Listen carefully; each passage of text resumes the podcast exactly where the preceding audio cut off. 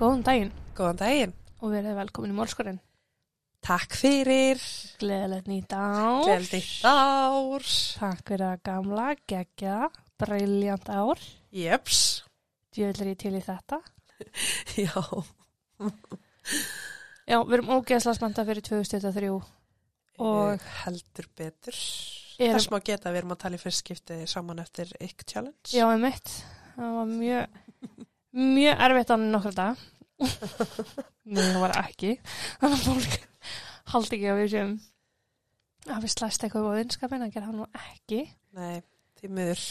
Ég er ennþá að reyna áttum á því okkur anskotunum þegar datt í huga nefnum með tætnar samt. Og þegar það er ógislega fyndi og það Ég er svo rétt bara, sem er. Já, ég hef bara aldrei áttum á því að fólk viti eða átti sig á þessu um mig. Ég er búin að þekkja því Ég veit það, en Já. mér er alveg sama. mér fannst þetta mjög undarlegt. En já, stöðningsaðalinn okkar kemur með okkur inn í nýtt ár. Þannig Jep. ég ætla að minna á afsláttakóðan okkar hjá Scrub Daddy Ísland. En með kóðanum morgskurinn fáið þið 20% afslátt af öllum vörum inn á scrubdaddyisland.is. Já. Og kannski verðt líka að minnast á að við erum enn á Pardus. Við erum inn á Pardus. Þar erum við áskrift sem að kostar 990 krónur á mánuði. Heilar. Þar eru fjóri til fimm þættir á mánuði Mm og allt eldra efni er aðgengilegt eins og er. Nákvæmlega. Og Við erum, já, eins og ég sagði, ógeðslega spenntar fyrir nýja ári. Ætlum að reyna að koma svo miklu í framkvæmt og, já, ætlum að reyna að gera eitthvað geggjað já, og það væri líka geggjað ef þau myndu koma og fylgja okkur á Instagram. já, að því við erum eins virkar og við mög, ekki ég, Þórdís, er mjög virk á Instagram. Þannig að, jöpsi, En ég ætla að bara að vinda mig beint í máli, en fyrir takk fyrir samfélgina. já, Og já, Daniel Nicole Van Damme fættist í Texas þann 22. september árið 1994. á, Mm Hún var dóttir þeirra Brendu, heimavinandi móður og Damon Van Damme sem vann sem verkfræðingur. Daniel var önnur í röð þryggja sískina en hún, oi, ég skrifa sískina með tveimur uppsólunum. Fyrir ekki þetta ekki. En hún átti bróður sem var tveimur árum yngre en hún sjálf og svo bróður sem var tveimur árum eldri.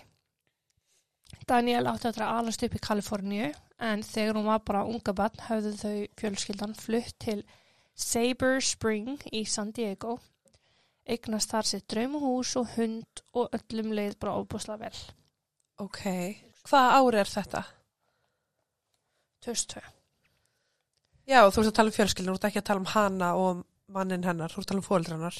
Já, Ok, ég hugsaði bara hver er 2002 fætti 94 og er bara giftur. já, nei, nei, nei, Daniel ok, var fætt 94 Já. og hún flutti með fjölskyldan akkurat, ok. En Daniel var ósköp venjuleg lítið stelpa sem hann nauta þess að lita, leika og dansa. Hún gætt glimt sér tímanu saman í dúkkó og skrifa í háleinilegu dagbúkina sína. Ég ætla bara að segja þér það að ég fæ klíu þegar þú segir dúkó. Dúkkó? Já, Dúkkuleik. takk.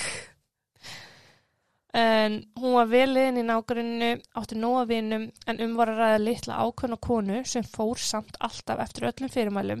Þetta er annað, lítil kona er lítil kona. Dætur mínar eru litlar konur, ég er ekki kona. Þú varst að skamma mig fyrir að kalla 25 ára Já. konu, konu. Ég þóli ekki þegar Sindri talar um þessu konuna sinna, ég er bara uh, Ok. ég fæ ykk. Ah, Samt er ég verðandi eigin konan hans og ég þarf bara að vera Akkurat. eigin stelpan hans eða eitthvað, eða bara kærastin hans áfram. Ég, mér finnst, ég fæ, ég, fæ, ég fæ illt að tala um þessum konu, ég veit ekki okkur ég. En ég er Já. náttúrulega með einhvern komplex að eldast, þannig getur verið það. en hún var allan, já, fór alltaf eftir öllum fyrirmælum, hún var sjaldnast til einhver vandra, hún var, þú veist, sjö ára á þessum tíma, hún reyf kjaft, hún hafði skoðanir, hún var hávær, já, en það fór samt ekkit fyrir henni þannig. nei. En þegar að málið sem ég kem til með að fjallum gerist, þá hafði hún nýlega hafið nám í Kríksæt grunnskólanum og henni gekk þar mjög vel.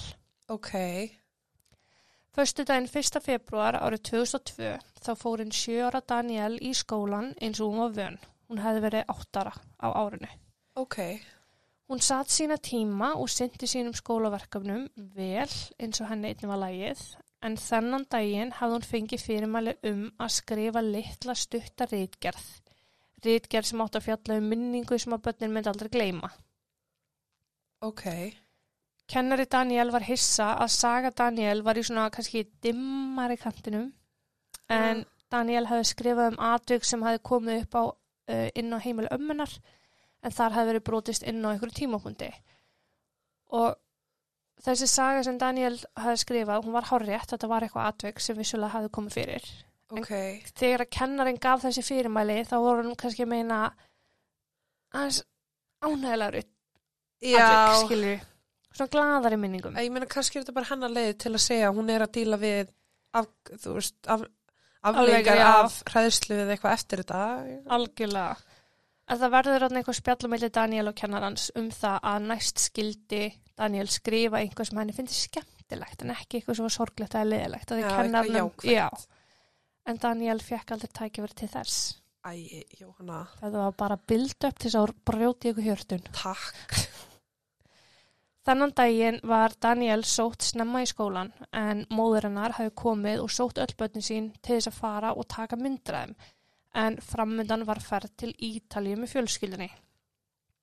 Eftir að myndatökunum var lokið þá skruppuðu á pósthús, í fataveslun og bara annað bras áður en þau heldu heim. Damon, fadir Daniel, kom heim úr vinnunni um hálsjöleitið og mætti akkurat á réttum tíma til að setjast niður með fjölskyldinni til að borða pítsu. En von var á tveim vinkonum brendu, móðurinnar, en þær ætluðu að kíkja saman út á lífið. Og sko, ég veit ekki hversu mikið mér finnst þessi smáadreið sem ég er að fara út í núna, eh, kom málinu við en þetta er tekið fram allstar og það er svona álitamál hvort að það gæti tengst málinu og við ræðum það bara á eftir. Ok. En foreldra Daniel lit út fyrir að eiga ósköp venjulegt hefðbundið fjölskyldulíf og þau áttu þá svo sem eh, þú veist bara venjulegt fjölskyldulíf þar sem að börnið er að döfnuðu vel og nákvæmlega ekkert að setja út af þar. En þau tvö sem hjón voru í opnu hjónabandi Ok. og voru ég veit ekki hvort það kallast það ennþá í dag swingers, skilur Uh, er það um Svona- Póli? nei, þessi þú voru ekki með mörgum voru bara í sínu hjónabandi Já. en já, í rauninni áttu þú veist, bara opnu hjónabandi, þau máttu sofa í öðrum aðlum og, og, já, já, já. og þannig Það, Póli.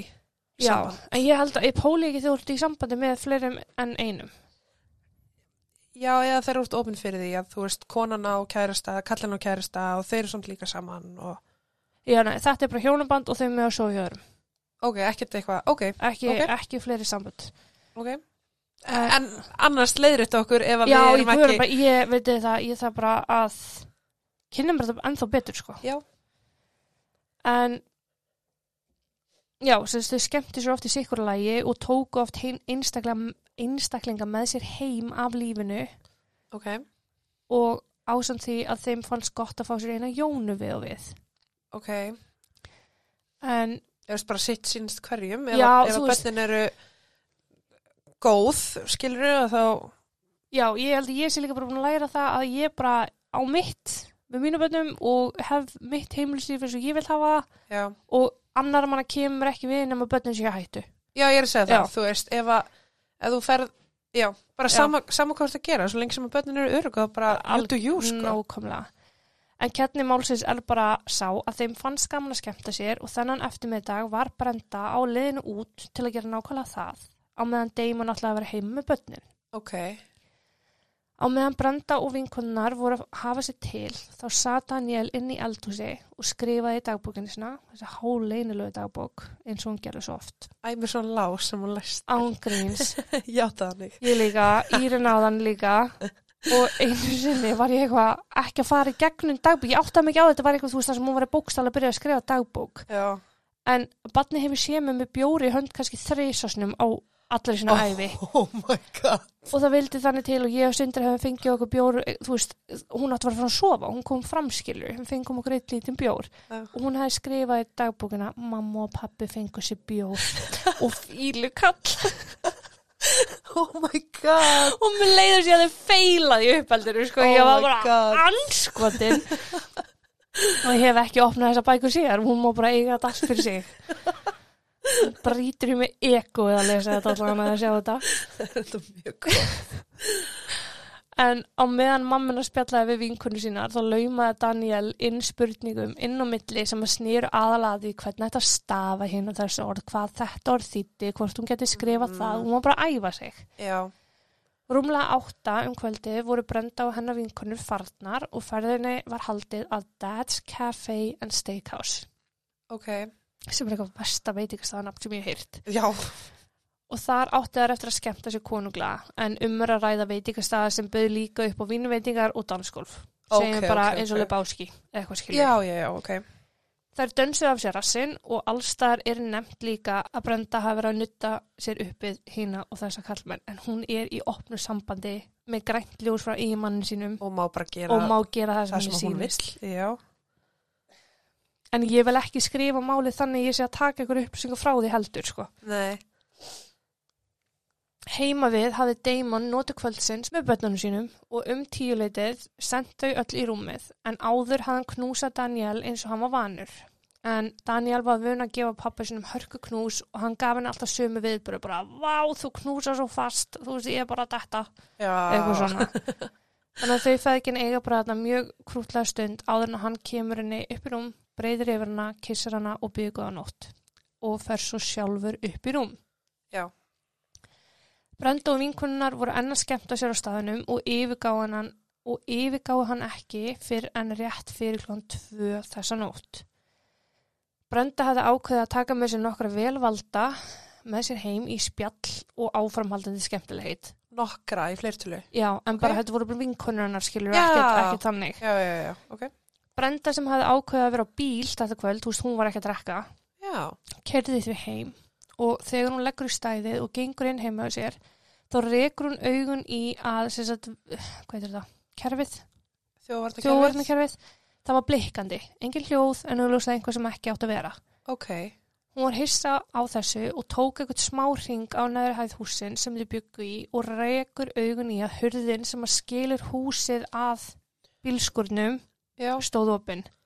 ok Þetta er oft hurð sem er inn á gangi skilur. já, Hún pældi lítið í þessu, lokaði hurðinu bara og bauði vinum sínum inn. Damon hafði vaknað við komið þeirra og ákvaða að taka þátt í spjallinu áður en að brenda og hann færu aftur að sofa. En þetta hefur alls ekki fyrir langu tími sem að vinirnir eru hjá þeim því klukkan hálf fjögur um nóttina er Damon vaknaður aftur og nú vaknaði hann við hundin uh, Leilu Væla. ok Hann stóð því upp og datt í hug að hún þyrfti bara að gera þarfi sinnar, bara að hann þyrfti að hleypina út. Hann fer því á fætur og gengur að svalahurðinni sem hann sér nú að er hálf opin. og hún var það ekki áður Það er ekki alveg vita. ok alltaf þarf ég að spyrja eitthvað sem Nei, já, en bara valið. Hún er dættin að bli í hug að hurðin hafi verið skilin eftir opin af vinkonum brendu. já, Enda voru skulu þær í fara að reykja glasi. eða Já. eitthvað, já, já, já, Þú veist, það hefur verið, já, þar voru glasið og mikið fjör og hann pæli lítið í þessu. Hann hleypur bara hundinum út, aftur inn, lokar hurðinni, fyrir brúm og fyrir að sofa. ok Laugardaginn 2. februar vaknaði Damon og Brenda þreytt en fersk en það hafði ekki verið neinn drikja til Nei. staðar og þau trýtla nýr í eldús og byrjaði að elda morgumat fyrir krakkana sem að sváfu en öll sem fastast. Krakkanir eru þarna nýjara, Daniel er sjöjara og yngri bróðurinn er fimmara og þau eru öll farin að vera svona tölverð þægilegri. Ok. Sváfu kannski ekki beint út en þau eru ekki að rífa fórhaldi svona á fætur, kljóðan svo sjöamótana. nei Þannig fóreldrarnir byggðu bara þólmóð, elda matinn og bara eru slög. Um það leiti sem að morgumaturinn var tilbúin voru drenginni komna niður. Bræður Daniel en hún ekki. Brenda ákvað að fara upp í herbyggi dóttisunnar bara svona til að íta við henni ef hún vildi morgumat en þegar hún kom upp þá sá hún það að Daniel var trúlega komin á fætur því ekki var hún í rúmunu sinu. oh, Til að vera viss þá aðtöðaði Brenda hvort að baðherbyggi var ekki örgulega upptekið þá væri hún bara þar inni já, og hún er bara svona nú, ok, þá hún sér að það var enginn inn á baði. Hún gekk inn í herbyggi svona sinna og þar var Daniel heldur ekki að finna. Brenda ákveði nú að ganga í gegnum allt húsið og út í garð og hvergi var Daniel. Brenda lét Damon vita sem að aðstóða einhverjum við að leitina inn á og í kringum heimilið en klukkan 9.39 þannan morgun þá stóðum bara ekkert á sama lengur og þau ringja í lauruglu og tilkynna hennar 7 ára gamlu Daniel týnda. Oh shit. Áður en þau vissu af var allt morandi í lauruglu inn á og í kringum heimilegra en lauruglan hafði bröðist mjög hratt við en þó svo að það væri aðeins rúmu mánur liðin af þessu ári 2002 þá hefðu vist verið óhugnulega mörg mannrán bæði í Kaliforníu uh, en líka annars þar í bandaríkjunum og eins bara þessi ár, mér finnst bara flest mannrán sem við erum að tala um er að gerast þannig 98 til Já. 2004-06 eða eitthvað Það er alveg rétt, Já. sko. um, en allana lauruglan mætir með læti og þegar var búið að leita af sér allan grunni kringum húsfjölskyldunar banka upp á hjá nágrunum og spyrjast fyrir og hvergi fannst Daniel þá var allur þungi settur í rannsóknina á núna kvarfi Daniel Þa, já, þetta finnst mér líka svona, ok, ég skil alveg að það þarf að fara að leita, já, en til dæmis bara með því að leita og gangi gegnum húsök og þú getur verið eða líka sem er sönna. Já, líka, Þú veist, sko. ég fæ bara, oh, uh don't do it. ég veit það en að samaskapið það býst engi við því að einhvers er búin að ræna barninu skilju Auðvitað ekki. Þetta er Auðvitað svo- ekki. umvöldar aðstæðir sko Já, Leit stóði yfir í öllu Sabre Spring útkvarinu sem er almennt talið örugt svæði, mér að segja í dag. já, já, já. Þess þá heldur á þessum tíma. já. Og á meðan ákvæða laurugla sem hafði þarna bankað upp á hjá nágrunum, bara, þú veist, almennt hei hefur séð Daniel, þú veist, það byrjaði þannig, þeir ákvæða núna að taka skýslu af hverjum og einu nágruna. Það bara, þú veist, það veit einhver eitthvað, það heyrði einhver eitthvað, það sá einhver eitthvað, það bara getur ekki hann að verið. Já, Og það vill þannig til að einn nágranni Daniel var ekki heima akkurat á þeim tímupunkti og þegar nágrannarnir voru spurður út í hvort einhver vissi hvenær hann hafði sérst síðast heima hjá sér þá töluðu nokkru um að hafa síðan keiri burtu á húsbylunum sínum tíu mínútum fyrir tíu þannig morgun eða Ok. 11 mínútum eftir að Brenda og Damon höfður hringt í laurugluna. ok. Þannig að þegar þessi nágrann hafi kyrti burtu var gatan þá þegar orðin krökt af lauruglu. Af því að viðbrástími lauruglunar var inn á við fimm mínútur skilju. Já, Lauruglan fer að svipast um heimilans og þeir taka eftir því að garðurinn hans er bara sjúklega vel hirtur. ok. Er það skrítið? Nei, Nei. bara eins og hann hafa haft algjörun unað að því að sinna garðinu sínum og það kom því sérstaklega á óvart að slanga með rennandi vatni lág út í grasinu. Eitthvað sem að garðirkju sérfræðingar hefðu mögulega ekki gert til að komi, til að komi vekk fyrir að skemma allan hennar fína garð svo átt. Já, láta vatni renna. Já, bara sístreimi. Já, þú líka bara, já, kannski gleymir ekki að slökka þessu um mitt. Nei, ekki ef þið þykir svona ópslófæntu garðin, skilur Ég er ekki búin að vinna, eða leggja þetta mikla vinnu í hann. Nei. Þeim fannst þetta ekki alveg verið í takt við hvernig garðurinn var, auðvitað hirtur almennt og því vaknaði einhver grunur um að þessi nákarni hefði jafnvel farið í flýti. Já, Umrætun nágranni var hinn 50 David Westerfield fráskildur tveggjabatna faðir með uppkomin börn samt. ok. og hann var með svo gjörsamlega tandur reyna sakaskrá. Hann vann á sviði hönnunar og var verkfræðingur og því kannski komin frekari útskýring á smeklu um garði, Já, verandi hans í hönnur. En nágrannur hans sögðu að hann væri oft kallaðar Desert Dave, eðumerku Dave, eðumerku Davíð. og ég hefði haldið eftir þetta, Davíð. Já, ok. já. En hann var duglegur að taka húsbili sinn á flakk og keira um Kaliforníu sem er eðumörk, eða skilur, að stóra hluta. Ok, samt, hvernig veit fólk hvort þú sér að tala um eftirrétt eða eðumörk? Ef þetta er bæði dessert. Dessert. Af því er ekki dessert skrað með tveim össum. Nei, Eftirréttur. það er með einu essi. Aha. Ég veit það að minnstakosti. Dessert er bara það er ekki til með tveimur þessum. Dessert. Fyndið, af því að Google segir mér að það séu 2S. Ha? ok, vá, þetta var að hljómaði ekki rétt í mínum huga. Nei, ég veit það og þetta lítur heldur ekki rétt út, sko. En desert er eðamörk. Ok, Eyðimörk. það var skautum í fótinn, sko, guðmengóður. Ok, Nei. áfram gakk. Leita Daniel átti eftir að standa yfir allan lögadaginn og allan sunnudaginn þar sem að hundruðir sjálfbóðlega komu saman til að ganga og leita að henni. Þyrlur leituðu úr lofti og hundar þefuðu eftir vísbendingum en ekkert gekk. Það var bara eins og Daniel hafi gufað upp.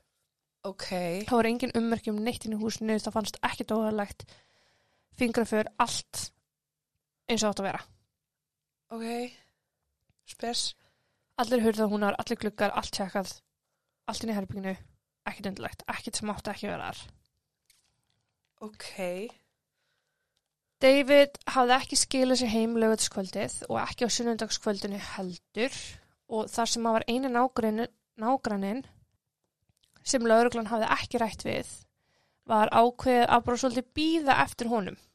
Þú veist, það var ekki neitt grundvelli fyrir því að láta eitthvað leita hann uppi eða þú veist, finna bíluna eða neitt slíkt auðvitað svo hendur lögreglu voru frekar bundnar það var svona svona, ok, við ættum að tala við hann það eru bara nokkur hluti sem eru skrýtnir hérna Já. og við þurfum aðeins að skoða þetta. En það 4. februar um klukkan 8.45 um morgunin var lauruglan á heimili Daniel og tók eftir því að David var að keira í hlað. Lauruglan fór yfir í rólihitum til hans og gáði svo að tala við hann, sögðu hann frá aðstæðum og að lauruglan væri nú búin að ræða við alla í nágrunnu og fá að kíkja inn til alla, allra og spurði þau bara hvort hann væri ekki til í að vera næstur. Ok.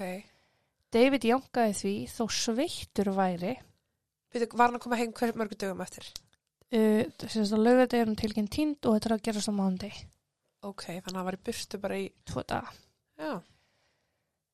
Hann bauð þeim inn til sín og fór yfir atbyrðu helgarinnar með þeim hvaðan hafði verið að brasa og ég vil taka fram, það var ekkert óvenjulegt að hann færi í húsbíli sinn og færi okkar flakk sko, Ok, ok, ok. alls ekki það var bara eitthvað sem hann gerði eftir að börnin hans voru fullorinn og hann skilin ok. syndi garðinu sínum og fór í húsbíl.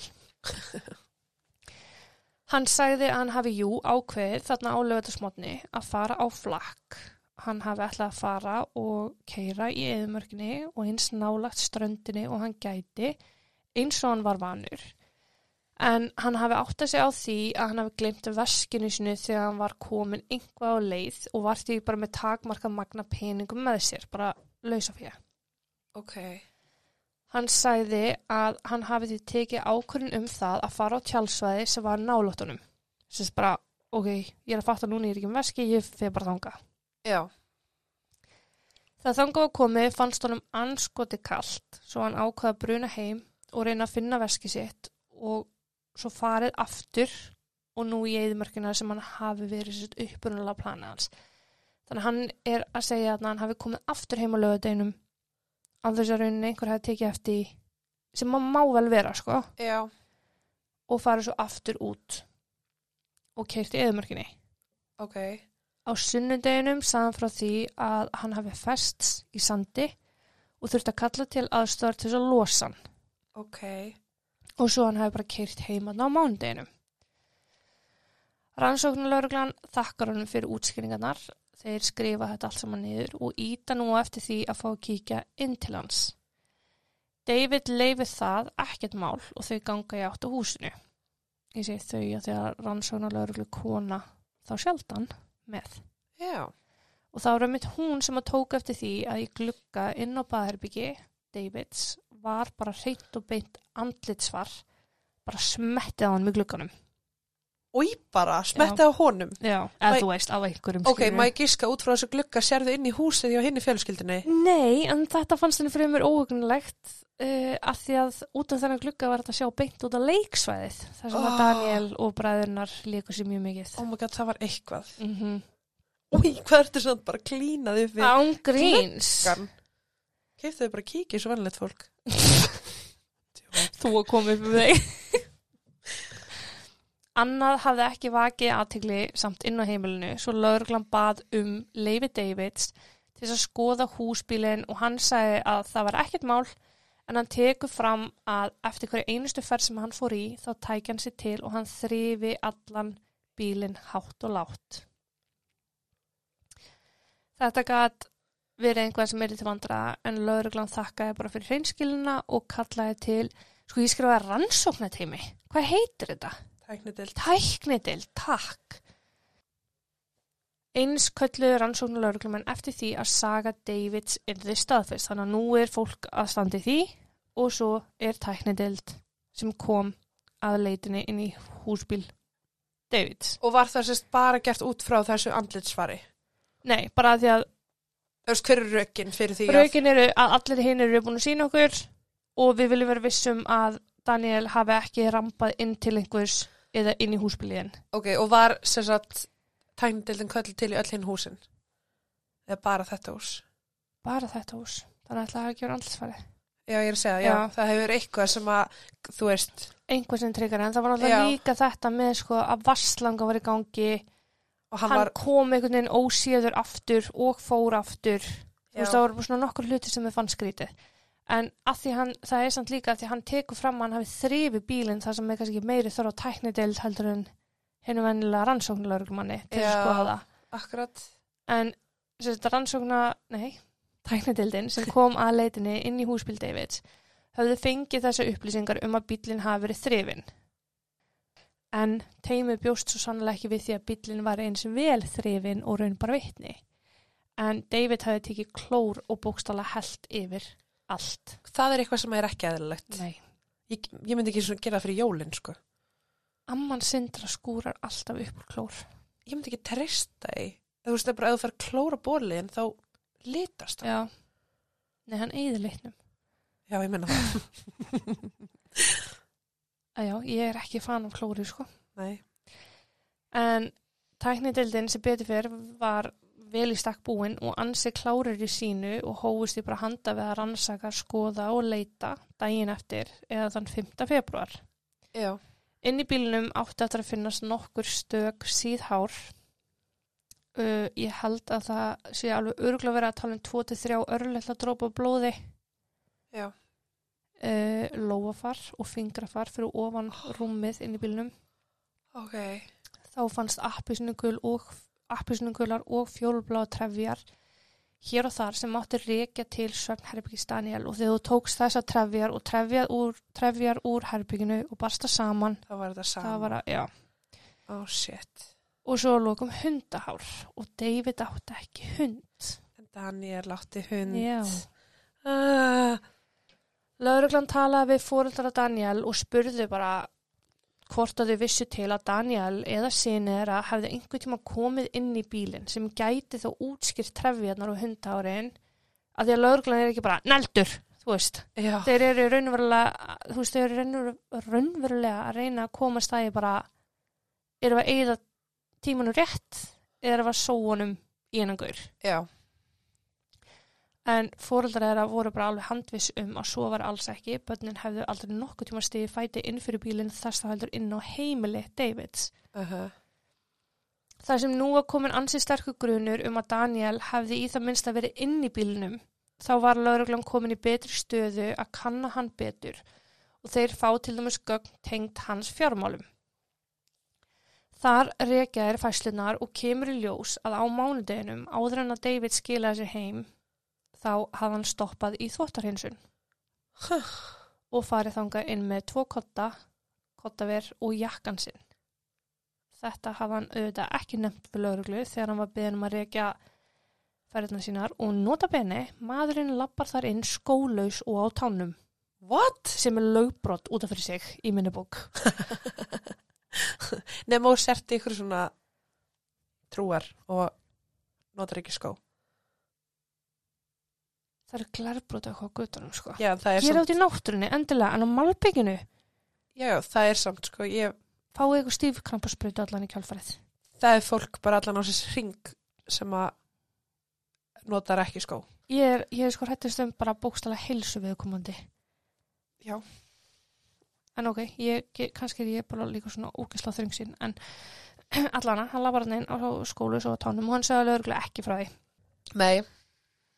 Það hefði tekist að koma í veg fyrir það að allt þetta sem hann fóð með í þvott uh, færi ekki í þvott árun að lögreglega kemist í mununa. Ok, Og þar komuðu til ljós að blóðdrópar voru á bæði jakka Dave, David og Oh. rúmfötum. og ég bara En við erum að tala um sko pínu litla blóðdrópa sko. ég er bara oft spáðið, þú veist, hvaðan kemur þetta blóð? Hvaðan er þeir að blæða? segir á Ég eftir. langar ekki að vita það. Nei, ég er ekkert viss sko. Nei. Varðandi staðfestingu á sögu Davids þá hafði lauruglan fengið fregnir en ferðin sem að David sagðist hafa farið nam um 804 km. Shit! Já, en til að setja það í samvikið, það er örlítið lengri vegalend en ef við, mi- ef við myndum keira frá Reykjavík til Hafnar og fara norður liðina. Já, Það er meira svo sko aðeins minna en það, það er þú veist 775 km eða eitthvað. uh Ertu að segja að héðan og á Akureyri hinleginu séu 700 km? Er það ekki? Er ekki meira? Ah, Ok, whatever. Nei, ég er að segja frá Reykjavík upp á Akureyri, upp á Egilstaði, niður í höfn, Já, niður á höfn. já, ég fatt það. Það eru 775 km eða eitthvað. Já, svo það er ansi mikill akstur en lauruglan hafði sett sér í samband við tjálsvæði sem hann sagðist hafa farið á og, og verið á og þar fekk staðfest að hann hafi komið bæði sáu vitniða og banka yfir lit staðfestaða líka en sem skrítið að því hann sagðist verið með lausa fyrir já, og þegar lauruglan gaf sér að tala við vitni þá var eitt þeirra sem hafði verið að greiða á saman tíma og David og hann var miklu meira en viss um það að David hafi tekið upp veskið sittar ok. En David hafði sagst hafa gist á þessu tjálsvæði vegna þess að hann var veskislaus. Já, Svo þarna var að komast upp um einhverja leigina. Við skoðun á tölvu Davids æ, kom auðvitað í ljós barnaklám í samkvæmlaðuruglu umtalsverðu magni. Í minni bók er eitt barnaklám umtalsvert magn. svo En- stein, já, Já, en í bóklaðuruglu er umtalsvert bókstaflega umtalsvert magn af barnaklámi. já. Ég veit ekki okkur að tala svona hægt, mér langar að komast yfir hann að Já. kappa. 22. februar var enn ekta frétta af eða til Daniel. Enginn hafði síðan að hýrt af henni og engar leitir hafði búið árangur. Nóu mikið var á sönnunugögnum til að handtaka David vegna grunns um mannrán vörslu á barnaklámi en ekki bara það.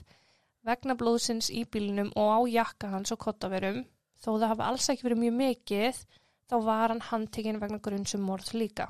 Akkurat. Rannsókn og lauruglumenn töldu að sönnunagögnin bentu til þess að Daniel var ekki lengur á lífi og eins að þetta langu tími hafi liðið og enginn hafi frétt neitt. Það hefði ekkert sérst í hana, það hefði enginn heyrt af henni. Nei, og líka bara, hvar er hún? Já, Þú veist, þetta eru 800 kílómetra sem að maðurinn fer. nákvæmlega. David hafði mætt aftur heimann á mánudeginum og þessi átján daga, sérst frá fjóruða til 22. februar, var hann búin að vera undir smásjá lauruglu og hann hefði ekki getað laumast eitt eða neitt þar sem hann hefði getað mögulega verið með Daniel til dæmis í haldi. Akkurat. Þannig að hann var bara ok, það er allan ekki að vera sinninni, skilur, þú veist, Nei, einhvers, það er allan líkur að hún sé látin. Uh -huh. David harneitaði þessum ásökunum þrátt fyrir að lauruglan reyndi kvanga til að bjóða honum hinn á þessa samninga. Taka döðurafsinguna af borðinu, lækkarafsingunum einhver ár og svo framvegis bara í von um að hann gæfi upp staðsetningu Daniels. Hvorsum var í lífsæða liðin en hann var þögull sem steinn og hann sagði ekki orð. Eina sem hann var tilbúin að gera var að fara aftur yfir söguna sem hann hafði sagt lauruglu frá hann á um, mándunum nema í þetta skipti þá rugglaðist hann oftar en einu sinni og sagði við en ekki ég. Oh my god. Staðrindin er svo að David vissi vel hver Daniel var. Hún bjóði sem og götu á hann. Daniel var í skátunum og hafði selt David jólapappir mánuðina á undan og smákökur bóksla tveimu dögum áðan á Daniel hverfur. Ah, en aukna blik. David vissi líka hver fóreldrar hennar voru en hann var til að mynda á sama bar og brenda kvöldi áður en að Daniel hverfur. Og hann hafði líka verið þar vikun og undan með, eða ekki með brenda og vinkunmennar en nei, á sama tíma og brenda og vinkunmennar höfðu verið á sama stað. ok. Það var sérst þannig að vikun og undan hefði brenda farið að skemmta sig með vinkunsinum. David var það líka og það var engar samræðar viti á milli þeirra allra, bara ekki neitt. Ok, En fimm dögum setna, tveimur dögum áður en að Daniel hverfur, þá fara Daniel og mamminar að ganga um hverfið og selja skátakökur. Þær banka upp á hjá David til þess að selja honum kökur. Hann kaupir, hann spjallaði brendu og hann slær á létta strengi og segir eitthvað í áttina, þú veist, þú hefur þetta að kynna mig fyrir vinkoninum því ég sá það á föstudaginn. Ok. Brenda hafið sagt þá við David, bara eitthvað, já, sorry, þú veist, en ég verð uh, á samstæðan næsta föstudag líka, en bara ef hún fengi pössin fyrir Daniel, því að hún sagði að Damon maðurinn hennar og sinir þeirra tveir ætlaði að fara í feðgaferð saman. En Damon og sinirnir voru heima mjög óvænt af því að Damon hafði hætt við að fara í þessa ferð með mjög stuttum fyrirvara Já. og var hann því heima með sínum sínum, sonum sínum og dóttur á meðan Brenda fór að skemmta sér. Já. Og það er eitthvað sem að hann vissi ekki. Sem að David. David vissi ekki. Þannig að grunu lauruglu hér eru þetta sá að David hafi séð bara tækifæri. Hann fór á sama stað og Brenda 1. februar, dansaði við hana og vinkunur hennar en fór heim einhverju undan þeim og það sást til Brendu vera að dansa, uh, nutta sér upp við, þú veist, Já, já, við já. David. Akkurat. Hann hefur trúlegast ætlað að nýta aðstöðuna sem hann taldi Daniel verið í og bara taka hana. Hann sá Mögulega bara þá- fyrir sér einhver úlingstelpu með hana skilur. Akkurat. Það er ekki eins og víst að David hafi vitað almennt að inn í húsinu væri svoandi far og tvönu börn og hvað var til þess að þeirra feðgar vakna ekki er náttúrulega bara ótrúlegt. Já. En talið er að hann hafi annarkvort farið inn um svalahurðina sem hann Damon tók eftir að vera opinn. En það er raunin ekki vitað hvort að Daniel er tekin áður en að Brenda kemur heim eða eftir að Brenda og Damon fara að sofa Ah. Uh. eða hvort að vinkonunnar hafi óarskili hurðina eftir að opna og hann hafi þá séð tækifæri eða hvort hann hafi bara komið að ólæstri hurð. Já. Hann gæti líka hafa verið að fela sig í bílskurnum, farið inn áður á einhvern máta, en Brenda kom heim náttúrulega, í- en áður en að Brenda kom heim, jafnvel um ólæst og svalahörð, og falið sig inn í bílskur því hurðin á milli hússins og bílskursins var jú opinn þegar Brenda kom heim. Já, og þjóðvarnakerfið. Og þjóðvarnakerfi ekki í gangi en blikkandi, þú veist það er Aha. einhver skinnjari farið í gang. Þannig að hann gæti hafa byðið þar þar til allir voru sopnaðir og svo gengið vallega upp í herbyggi Daniel og borðið hann út sofandi og Ah. yfir heim til sín. Og ég pældi í því að vera ekki eins og örugur heima hjá þér með fóldrinu. Ég veit það. Oh. Hvað nákvæmlega gerist þarna er alveg óvitað því David hefur kosið að steinhalda kjafti, alveg sko steinhalda kjafti, nema þegar hann reyndi að sannfara lauruglumannin sem að satt með hann og bara gæstlu um að stíða út úr herbygginu og skilja eftir byssunni sína. oh Mm Kallir mig nú sleppur ekki Nei. svona auðvöldla. Er þetta nobody? Augnblik. Mm. En það er í það minnsta vitað að á einhverju tímapunkti þá myrðir David Daniel því að þann 27. februar, 25 dögum eftir hún hvarf, þá fundu gangandi vekkfærandur illa farið lík. Langt komið inn í brútsferðlinu undir trí á vegi sem að fáir um, kerðu á í nálægi við El Cajon í Kaliforníu eða í um 33 akst, kilometra akstusfjallað þaðan sem að Daniel hvarf. Ok, 33 kílum, kílómetrar, en hann kerði samt 800 mm Mhm. kílómetra Þannig trúlega segir bara að fyrsta sem hann gerði var að dömpa henni og svo halda áfram að keira. Ó, til að villa fyrir. Nei, örgulega bara þess að þú veist, ekkert endla. Eða jú, náttúrulega vill að fyrir að því hann var ekki heima og gæti bara sagt að ég var ekki heima. Já, reyndar. Ah. Og hann alltaf með fullt af fólki sem gæti staðfest. Jú, ég sá hann, ég sá hann, ég sá hann. Já. En Daniel fann snakin og þá vantaði hann að marga tennur. Oh, Ástæða þess að hægt var að bera kennsla á líkið, þú veist, áður en hún var færi til krupningar var vegna þess að á líkinu fundust mikka mús eyrnalokkar, eyrnalokkar uh, sem að Daniel átti oh, og hafði verið talið og hún væri með í eyrunum þegar hún hvarf. En við krupningu átti því miður eftir að koma í ljós að líkið væri allt of illa farið. Það hafði verið úti í öllum veðrum allt of lengi til að hægt var að segja til um dánarásök. En morð var klálað að einu sem koti greina. Það var ekki heldur átt að segja til um hvort að kynferðisofbeldi hafi verið beitt nýja hversu lengi Daniel litla hafi verið látin. Blóðið er talið hafa komið þú veist þegar einhverju kildur og Já. ef það kemur sárað og skvettist. Þess má geta að lögreglan var við það að ná að brjóta eða þú veist krakka David og fá hann til að taka samning þegar þeir fengu símtali um að lík Daniel var fundið. Oh my god, sem betur fer. Já, svo samningnum var auðvitað hr- bara hrifsaða borðinu um þetta sami því að hans hluta samningum átt að vera að hann myndi fylgja þeim að líki Daniel. Já, En þetta er saman sem játningi minnubók hann ætlaði að fara að taka ykkur samning og, og fylgja þeim að líki skilju. aha. En áfram held David að neyta sög þrátt fyrir að hann var að skítfalla á legaprófum sem hann bað sí endur tekjum Wow. uh, og það kom því ekkert annað til greina en að fara með málið beint fyrir kviðdóm. Já, Og fyrstu vikuna í júni árið 2002, fjórum mánuðum eftir þetta, og hún hverfur, Mm. þá hef ég að strettröldin.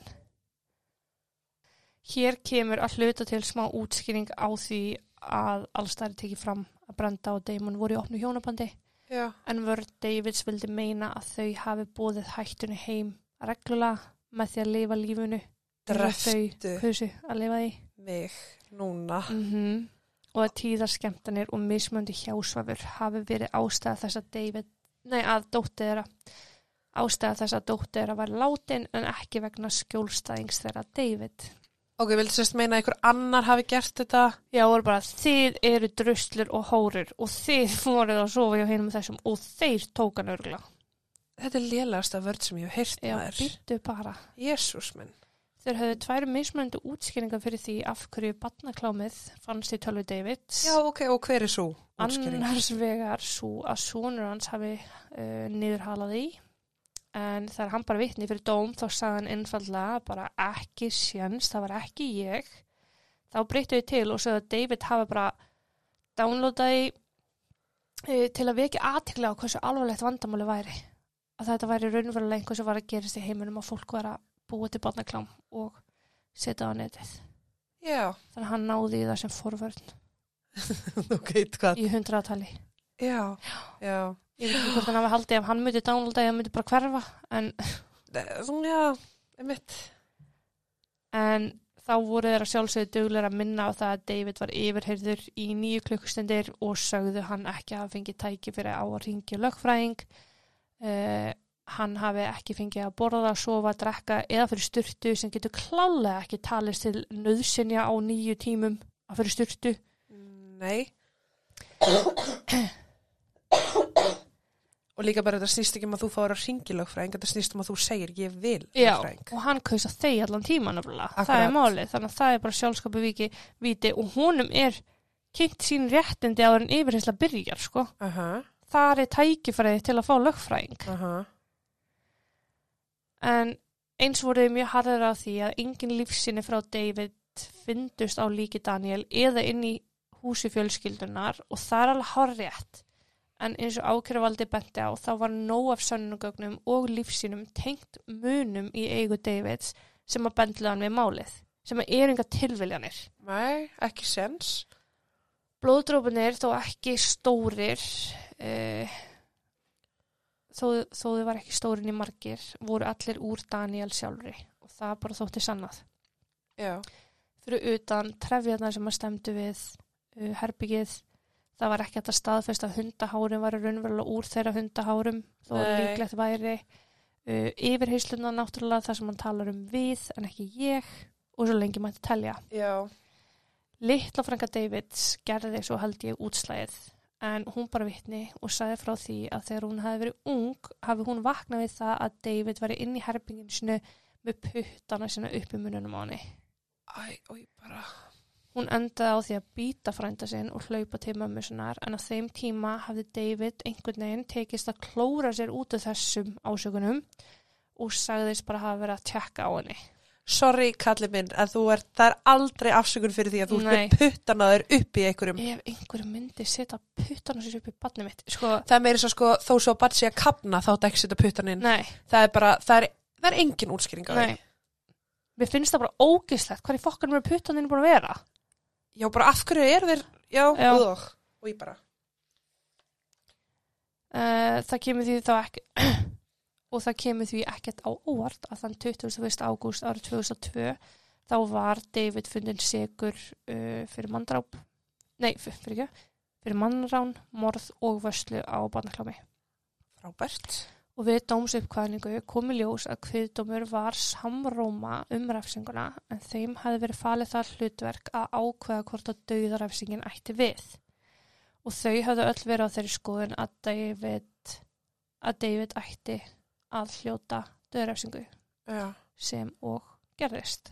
Uh David er hins vegar ennþá í fangilsi, hefur sérst ekki verið tekinn að lífi en eins og er þá sitja 689 manns á döðatildi Kaliforníu sem er vist sögulegt lámark Aha. mm en enginn hefur verið tekin að lífi þar síðan árið 2006 síðust ár hefur verið einhver svona kostningastríð um þetta sem ég bara kann ekki segja nógu vel frá Já. að þanga til það er búið að leysa það þá eru þá er ekki neinu fangatekna lífi í Kaliforníu að mér skilst Ok.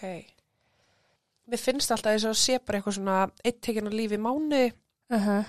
en ég minna, ok, á þess að hljóma eitthvað eins og ég sé eitthvað skrýðin þú veist, þetta tekur kortur max hver. Akkur er Mhm. þetta ekki bara kortur næsti? Akkur er þetta ekki bara svona, svona færiband að vinna? e, að því að ég held eins og í Kaliforni það er búið að koma upp ómörg e, mál þar sem að fólk á döðatild hefur verið, verið saklaust. Já, ok, true. Húst, Já. ég, er ekki, ég er ekki meðfallin uh, döðuröfsingu. Nei, þú ekki veist, heldur ég er alls mjög ekki, sko. mótfallin Já. henni og, en þú veist, ég er bara oft Ma, spáð, þetta er samt vanið spurning, sko. ég, veist, ég er oft spáð í því af hverju, þú veist, að því það er alltaf bara hvað döðuröfsing, þú Mhm. eru drepin og svo gerist ekki neitt Nei. er, já, þú veist, af hverju ekki bara eða, þú veist, af hverju er döðarafsing Já. skilur þau, af hverju ertu ekki bara lífsfangelsi og kæst aldrei út, punktur En ég var að lesa, ég þarf að finna þetta, ég var meira þess að pælja að taka þetta mál fyrir. Það er hérna alvogen, leififyrirtæki og eitt í viðbútt hafa bannað sölu á fentanili og öðrum sterkum leifjum innan veggja fangelsis að þeir vilja ekki leifi sín séu notið í þessum tilgangi. já, þannig að fyrir að vera erfiðar og erfiðar að taka fanga á lífi með þessum livjum já, sem eru notið að Já. þetta er bara einhver livjökoktel á þreim fjóru livjum sem er sprautað já, en þegar livjufyrirtækin neita að selja það inn í fangelsi sérst í einhverjum x-sköndum Mhm. að þá náttúrulega eru þau komin í smá klípu já og mér finnst, mér finnst líka að séu svolítið svona, ok, þú veist, ef fangelsi er yfirfullt og þeim þeir kannski vilja spara pening að þá er bara, já, já, gjörðu svo vel númer 227, þú ert uh, tekin að lífi í dag Mér- eða þá þegar þeir vanda pláskilur maður er bara eitthvað, en þú veist líka pluss að það væri ekki döðuröfsing Já. fangelsi er yfirfullt mm -hmm. og þið vantar plás fyrir nýjan morðingja mm. Mm allir þá að leysa út gamlan morðingja nei, til að gera plás fyrir nýjan morðingja skilur við, nei. þannig að þú veist ég skil alveg líka rökunum bakvað en akkur ekki þá bara, þú veist Ég- þetta er samfélagslegt vandamál að þá bara stækka við ykkur skilur við, ég held að sé ekki það margar aftugur á ári í bandaríkunum ég held að sé ekki það margar sko, ég held að sé bara frekar lítið eða eitthvað sko. ég held að þetta sé flest bara svona þeir allra allræmdustu en ég meina þú veist bara eins og með Ted Bundy hann var tekin að lífi já, hann var líka tekin að lífi allt og fokki snemma vegna þess að það er fullt af upplýsingum sem að við enn í dagum eftir að fá að vita um hann, mm mm. völfórnalömb og alls konar svoleiðis sem að við fáum aldrei að vita vegna þess að hann var tekin að lífi já. allt og snemma. Og það er örgulega með fleiri af þessum, þessum allræmdustu morðingjum er að það er örgulega það er einhverja fjölskyldur sem fá ekki jafnrétti eða réttlæti eða þú veist réttlæti eða, eða bara niðurstöðu eða skilur þú veist fá ekki svör vegna þess að það er búið að taka á lífi og þeir geta aldrei Mm þeir tók allt með sér í gröfinu sko. Já, teltböndurinn það var alveg í fangilsi ykkur tíma og hann var tekin lífi. uh en það er samt einmitt talað um að hann Að það sé fullt aðna en það var alveg klálega sko. já, Ég hef meira ágjör af fólkinu sem er saklaust og var tekið að lífi. En ég er mjög miklar ágjörð þeim líka já, það voru átján aftökur árið 2022 í bandaríkunum, öllum bandaríkjunum, öllum Já. fylgjunum öllum fylgjunum. Og þetta er náttúrulega ekki lift í nærfið öllum fylgjunum sko. Nei, en það er þetta líka er bara fæsta magn af aftökum uh, síðan 1991. Já, og líka ef þið hafið sé myndina á Netflix Æ, ok, ég ætla ekki alltaf að vera að lofa að hún sé á Netflix myndina með hérna uh, mannin sem átti að hafa kveikt í húsinu sínum og svoandi börnunum guð sínum minn Góður.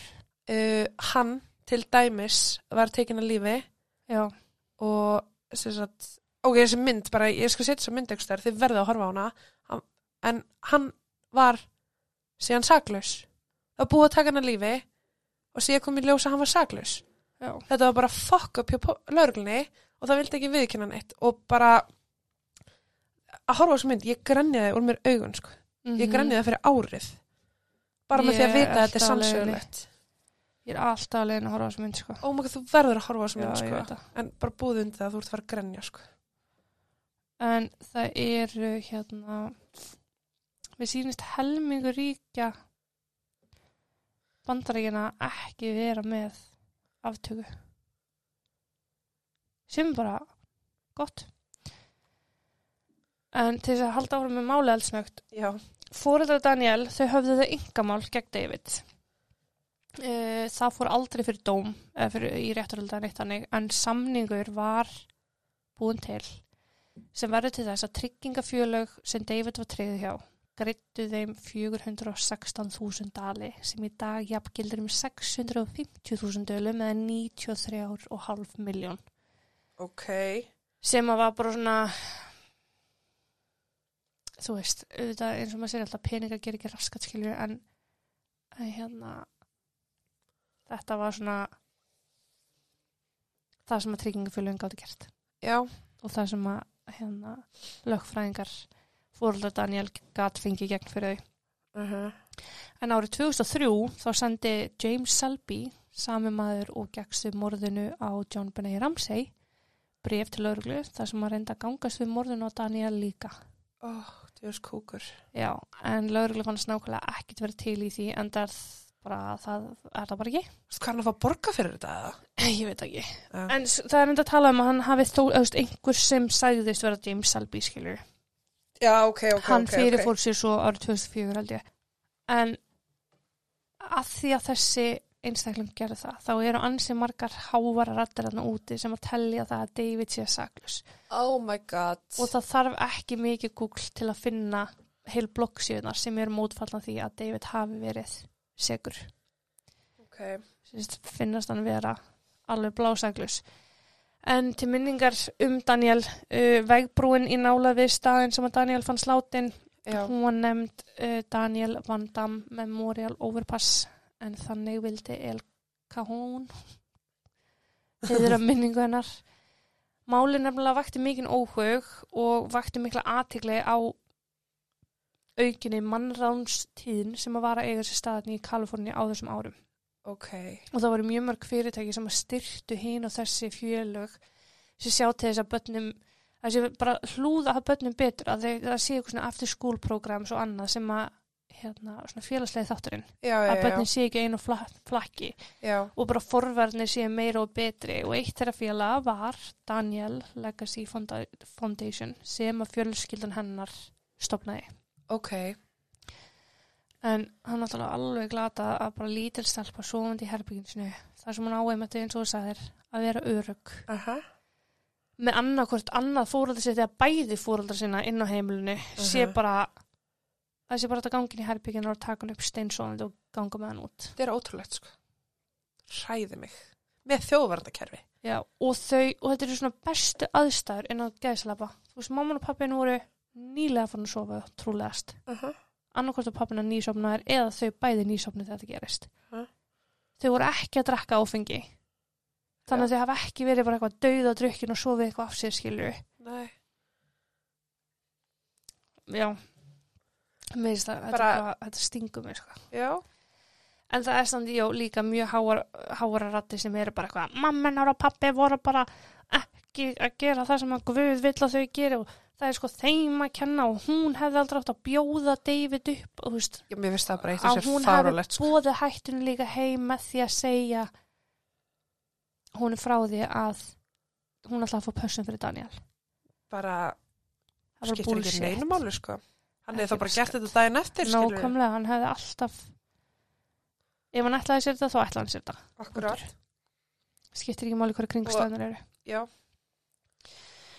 já, herru mér var það ekki, mei takk fyrir þetta, verður það góð ég þakka bara fyrir mig í dag já, ok og takk og bless um takk og bless